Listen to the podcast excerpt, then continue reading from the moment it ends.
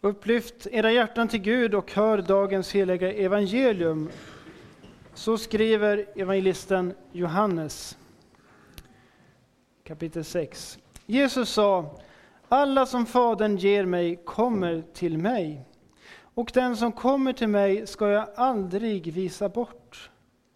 Jag har inte kommit ner från himlen för att göra min egen vilja, utan hans vilja som har sänt mig. Och detta är hans vilja som har sänt mig. Att jag inte ska förlora någon ändan av alla dem som han har gett mig, utan låta dem uppstå på den yttersta dagen. Ja, detta är min fars vilja, att var och en som ser Sonen och tror på honom ska ha evigt liv, och jag ska låta honom uppstå på den yttersta dagen. Så lyder det heliga evangeliet. Lovad vare du, Kristus. I Faderns, Sonens och den helige Andes namn. Amen. Nåd vare med er och frid från Gud, vår Fader och Herren Jesus Kristus. Låt oss be. Håll mig beredd, o Jesus Krist, att vänta din ljuva ankomst när du sist vill hämta ur Tåledalen från jordekvalen din brud till dig i ljusa fröjdesalen.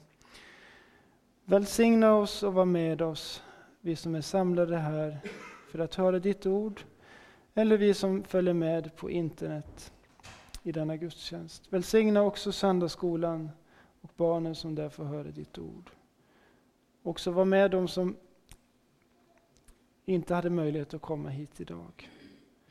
I Jesu namn. Amen.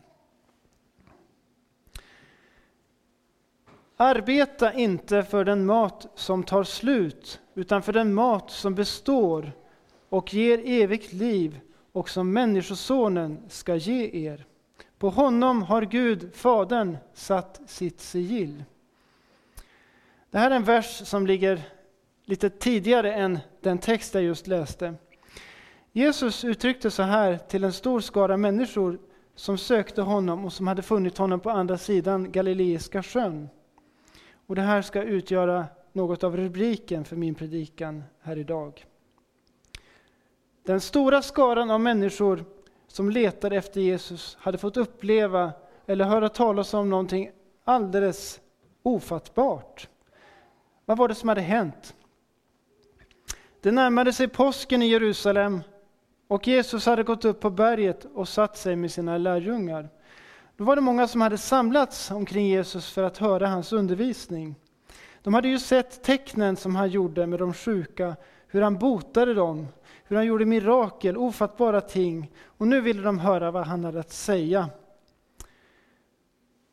Jesus han ville undervisa dessa människor, men han hade också omsorg om dem i andra avseenden. Han såg att de behövde mat. Här hade de suttit i timmar och lyssnat. Så han vänder sig till Filippus och säger, var ska vi köpa bröd så att de får någonting att äta?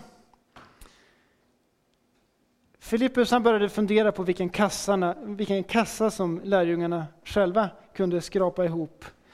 Bara 200 denarer, och det skulle inte räcka för mat till hela den här skaran av människor. Fanns det någon annan lösning på matfrågan så hade en annan lärjunge, Andreas, upptäckt att här har vi en pojke med fem kornbröd och två fiskar. Han nämner det här till Jesus, men så tillägger han, det där är ju ingenting som kan räcka till alla de här människorna. Men så hade Jesus ändå tagit emot bröden och fiskarna. Han hade tackat Gud och han började dela ut till dem som var där. Och så skedde det ett under. Brödet och fiskarna förmerade sig i Jesu händer. Alla människor som var samlade fick så mycket att äta som de ville, står det. Och de blev helt mätta. Och det står rakt ut, tolv korgar hade fyllts med bitarna som blev över efter de fem kornbröden, när de hade ätit. Det var det som blev över efter de fem kornbröden. Johannes 6.13. Människor insåg att här hade någonting förunderligt skett. Jesus måste vara profeten. han som ska komma till världen. Så sa de till varandra. Här ser vi uppfyllelsen av Gamla testamentets löften om Messias. Men inte bara det. Inser ni inte hur bra vi har det med en sån här person? Gratis mat till alla som önskar. En person som kan mätta mängder av svältande människor. Honom måste vi förstås ha till kung. Och så hade det nästan urartat. Jesus hade varit tvungen att söka sig därifrån. Han drog sig upp till berget helt ensam, står det. Medan hans lärjungar steg i båten för att ta sig över till Kapernaum på andra sidan sjön. På natten hade det blåst upp till storm och sjön gick hög. Lärjungarna kom i sjönöd. Men Jesus, som ser allting, han hade också sett det här i förväg. Och han kom nu till dem, gående på sjön. Och lärjungarna hade blivit helt förskräckta, men än en gång så hade de fått erfara att Jesus är sann Gud. Det är jag, var inte rädda. Så har vi den här stora skara människor som hade tänkt göra Jesus till kung och som nu dagen efter sökte efter Jesus, men de kunde ju inte hitta honom. Han hade ju gått över vattnet till andra sidan. Det var där han var. Och så tog de båtar och så småningom så hittade de också honom där. Och när de fann honom frågade de, Rabbi, när kom du hit? Ja, nog var det här en befogad fråga.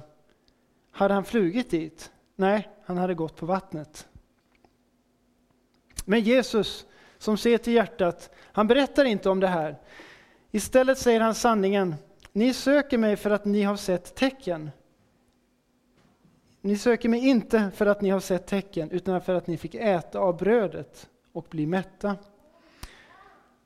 Och nu återkommer vi till de Jesusorden som jag inledde med. Arbeta inte för den mat som tar slut, utan för den mat som består och ger evigt liv och som Människosonen ska ge er. På honom har Gud, Fadern, satt sitt sigill. Och den första delen som jag då vill lyfta fram det är detta med den mat som tar slut. Den mat som tar slut. Den fysiska maten som vi har i kylskåpet eller på tallriken, den tar slut. Den varar inte för evigt. Ett vanligt mjölkpaket har ett bäst före-datum på kanske ett par veckor. Och emellanåt så får vi städa ur mögliga ostar och illaluktande livsmedel ur kylskåpet eftersom det blivit för gammalt och inte längre ätligt. Alla människor insett, inser detta. Mat det är ingenting som består. Och redan några timmar efter frukosten, om vi har arbetat hårt, då behöver vi få i oss ytterligare mat för att orka. Då är det dags för lunch. Kroppen tillgodogör sig näringen och så behöver det fyllas på med ny näring. Gud har omsorg om oss. Det är ju han som har skapat oss. Och han har också tänkt på hur vi ska få den mat vi behöver. Och det har vi verkligen anledning att tacka Gud för. Att Gud bryr oss om oss dag för dag. Och just det här brödundret på berget, det är väl ett av de tydligaste bevisen på hur verkligen Gud konkret bryr sig om oss i detta avseende. Och det är ju faktiskt Jesus som tar upp den här tanken. Hur ska alla de här människorna få någonting att äta? Det var så vi läste. När Jesus lyfte blicken och såg att det kom mycket folk till honom så agerade han i den högst praktiska frågan om att ordna med mat. Och Det är också Gud som välsignar maten så att den räcker och så att den mättar. Gud ger inte snålt. I detta fallet så blev det tolv korgar över. Ja, Gud är ju den som ger såningsmannen säd till att så och bröd till att äta. Och vi får konstatera gång på gång, Gud ger oss vårt dagliga bröd. Och de flesta av oss har inte ens behövt uppleva svält. Detta är verkligen någonting att tacka Gud för. Vi kan också tänka på andra delar i livet där vi förses med det som i överordnad mening kan gå under rubriken dagligt bröd. Och det är till exempel familjemedlemmar, goda grannar och så vidare. Det här har Luther utvecklat på olika sätt. Men Guds goda gåvor, det är också någonting som vi människor tenderar att göra till en avgud. till någonting som ersätter relationen med Gud själv. Och sådana är vi efter syndafallet och vi fortsätter att vara så om inte den heliga Ande skapar ett andligt liv i oss. Jag vet inte vad du associerar till om jag nämner avgud. Kanske går tankarna till en buddha-staty som någon har satt upp i trädgården för att pryda och sen tänker vi att det där skulle då aldrig jag få för mig att sätta upp fasansfullt, en, en avgud. Men avgud i, i biblisk mening det är något mycket mer närliggande än bara en buddha-staty. I Jesaja kapitel 44 från vers 14 så läser vi hur det går till att göra sig en avgud. Det står så här. Man fäller sedrar åt sig och tar stenek och vanlig ek och väljer åt sig bland skogens träd. Man planterar lärkträd och regnet får dem att växa. Detta har människorna till bränsle. Man tar av veden och värmer sig med den, man tänder på den och bakar bröd. Men man tillverkar också en gud och tillber den. Man gör träet till en gudabild och faller ner för den. Hälften av träet bränner man upp i eld, över hälften lagar man kött att äta, steker sin stek och äter sig mätt. Sedan värmer man sig och säger Gott, jag är varm, jag njuter av brasan. Men av det som är kvar gör man en gud, en gudabild. Man faller ner för den och tillber. Man ber till den och säger Rädda mig, för du är min Gud. Ja, av det som är kvar efter att man blivit mätt så gör man sig alltså en Gud. Människan nöjer sig alltså inte med att bli mätt, att få kläder på kroppen och få sitta varm framför en brasa.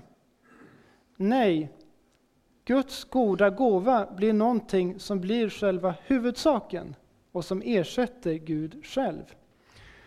Den goda maten får då inte vara en gåva som vi tackar Gud för och som får stärka oss att vandra på hans vägar. Istället för att sluka den goda maten och tacka Gud så blir det maten som uppslukar oss. Så har vi gjort maten till en avgud. Ja, hur lätt är det inte att Guds gåvor får ta platsen som Gud skulle ha? Maten, kläderna, bilen, det nya huset. Allt detta det är gåvor från Gud, men det riskerar att bli en avgud. Och vare sig vi har mycket eller lite av dessa ting befinner vi oss i riskzonen.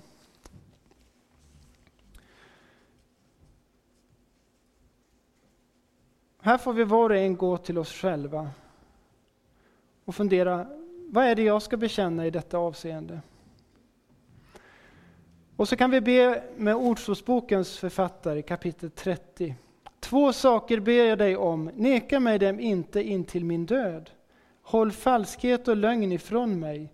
Ge mig varken fattigdom eller rikedom, men ge mig den mat jag behöver. Annars kan jag bli så mätt att jag förnekar dig och säger, vem är Herren? Eller så fattig att jag skäl och vanhelgar min Guds namn.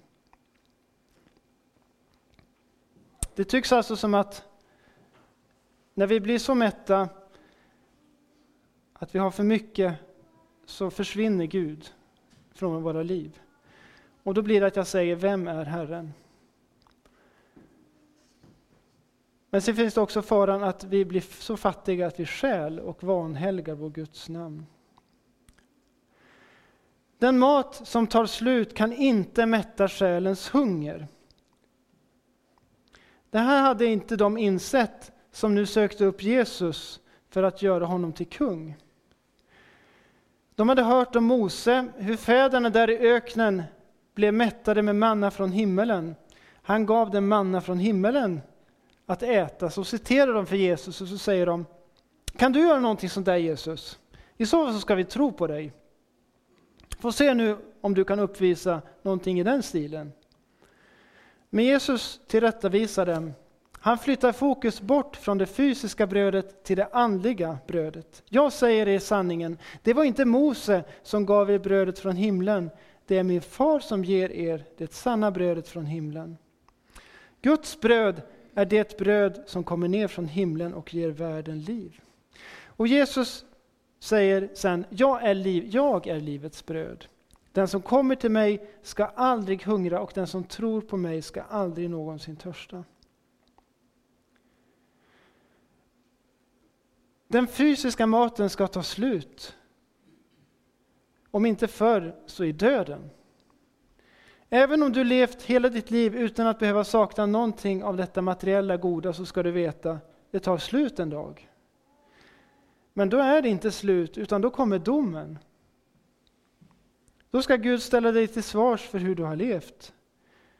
Jesus som var kapabel att genomskåda de materiellt inställda människorna som uppsökte honom, han ser även hur du har det.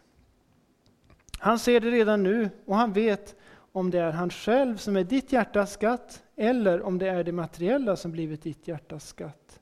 Och han varnar oss, samla er inte skatter på jorden där rost och mal förstör och tjuvar bryter sig in och stjäl. Samla er skatter i himlen där varken rost eller mal förstör och där inga tjuvar bryter sig in och stjäl. För där din skatt är, där kommer också ditt hjärta att vara.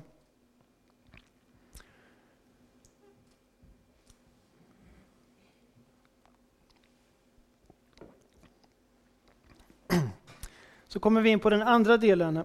Den mat som består och som ger evigt liv. Den andliga maten, det är den som består. Guds bröd har kommit ner från himlen och det är Jesus själv. Han lovar, den som kommer till mig ska aldrig hungra och den som tror på mig ska aldrig någonsin törsta. Det var många människor som hade sett Jesus göra det här brödundret på berget.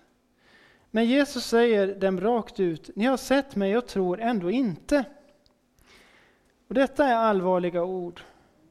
Det är inte säkert att du tror på Jesus bara för att du har sett honom göra under. Eller för att du har brukat vara med här på Fridhem till exempel. Det är inte säkert. Den som kommer till mig ska aldrig hungra och den som tror på mig ska aldrig någonsin törsta.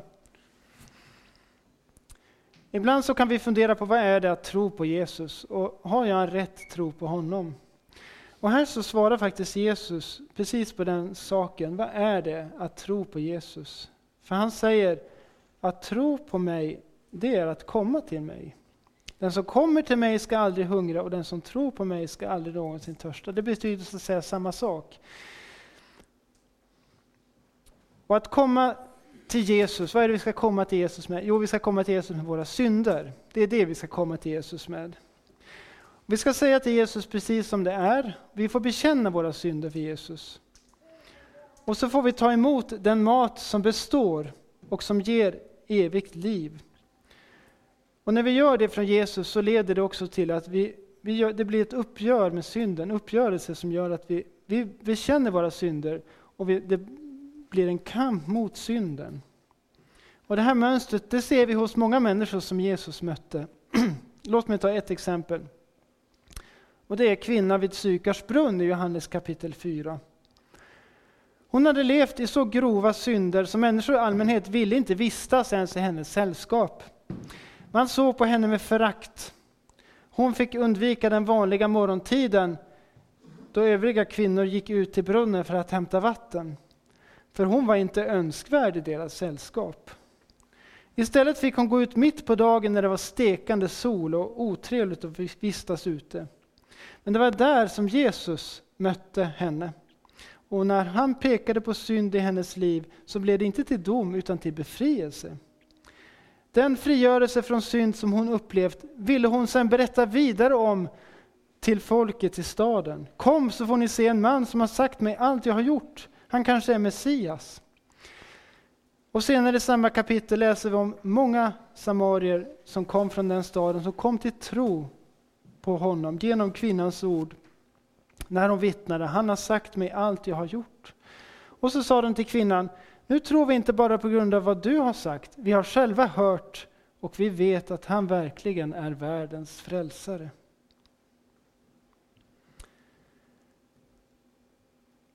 Alla som Fadern ger mig kommer till mig, ja så säger Jesus. Och den som kommer till mig ska jag aldrig visa bort. Det där är ett löfte som du får ta fasta på. Till Jesus får du komma hur illa det än har gått och hur bristfällig din tro är. Hur materialistiskt inriktad du är i ditt sinne och som jag är i mitt sinne. Så får vi komma till Jesus och bekänna det här för honom. Och så vill han förlåta, upprätta och ge dig det levande brödet. Jesus vill frälsa dig, vare sig du har syndat på ett sådant sätt så det sticker folk i ögonen, eller du har mer accepterade synder som att sätta din tillit till det materiella och så att säga har en mer rumsren avgud i ditt liv. Ja, det var i själva verket detta som var saken när Jesus kom hit till jorden. Jag har inte kommit ner från himlen för att göra min egen vilja, säger Jesus, utan hans vilja som har sänt mig. Han kom för att ta bort synden och öppna vägen till det eviga livet. Så har Jesus också lovat att bevara det sina. Och detta, han säger så här, och detta är hans vilja som har sänt mig, att jag inte ska förlora någon enda av alla dem som han har gett mig, utan låta dem uppstå på den yttersta dagen. Jesu makt att bevara i tron understryks på många ställen, inte minst i Johannes evangeliet. Och Det här får vi ta fasta på när vi märker hur mörkrets krafter vill dra bort oss och det våra ifrån Jesus. Vi läser i kapitel 10 från vers 27. Mina får lyssnar till min röst och jag känner dem och de följer mig. Jag ger dem evigt liv. De ska aldrig någonsin gå förlorade och ingen ska rycka dem ur min hand. Min far som gett mig dem är större än allt och ingen kan rycka dem ur min fars hand. Ett annat exempel är från Matteus evangeliet kapitel 18. Där läser vi om herden som hade hundra får och tappade bort ett av dem. Han gick ut bara för att leta efter det här enda fåret som hade försvunnit. Och så gläder han sig mer när han finner det fåret än över de 99 som aldrig gick vilse. På samma sätt säger Jesus är det inte er himmelske fars vilja att någon enda av dessa små ska gå förlorade. Och det får du som är förälder ta fasta på. Eller du som har fått på ditt hjärta att be för någon särskild människa som nu vandrar borta från Herren. Det är inte er himmelske fars vilja att någon enda av dessa små ska gå förlorade. Den här helgen så har vi firat Alla helgons dag. Och alla helgon, det är de som kommit till Jesus och som där funnit den mat som består och som ger evigt liv. Det är inte en och annan människa som levt exemplariskt i människors ögon eller efterlevt ett visst religiöst mönster till punkt och pricka. De kan i och för sig vara goda förebilder, men det är inte det som i Bibelns mening är helgon.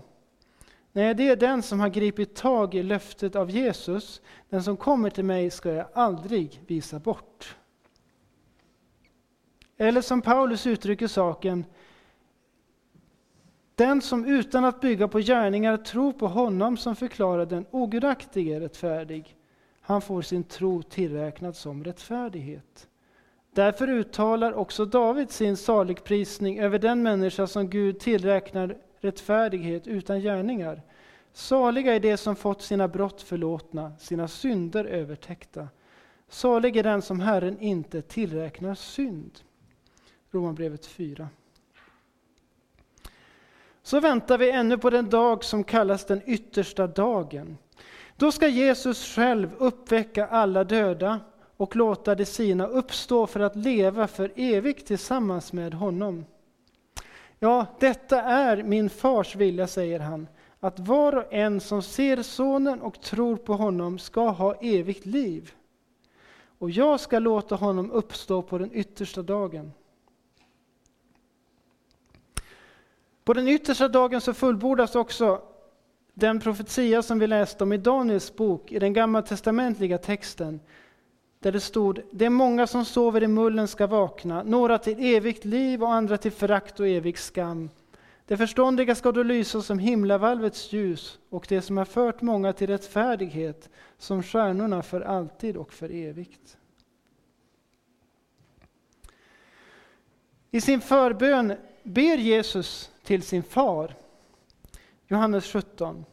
Han ber att där han är, där ska också det som Fadern har gett honom vara med.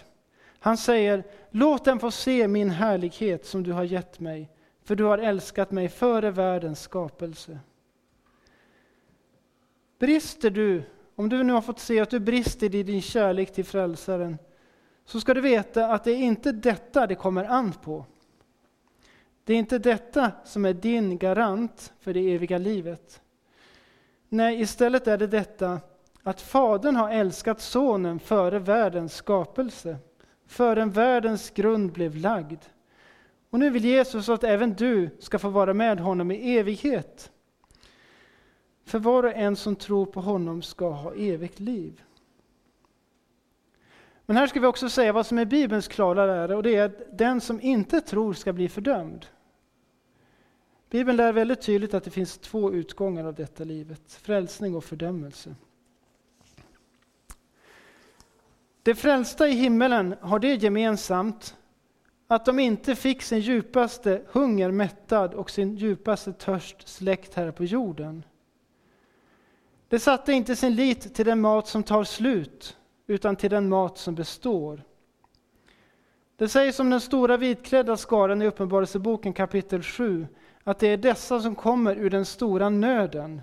De har tvättat sina kläder och gjort dem vita i Lammets blod. Därför står de inför Guds tron och tjänar honom dag och natt i hans tempel.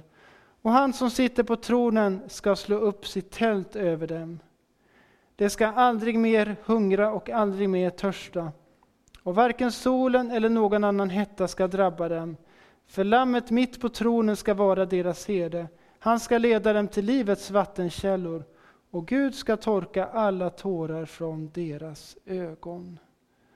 Amen.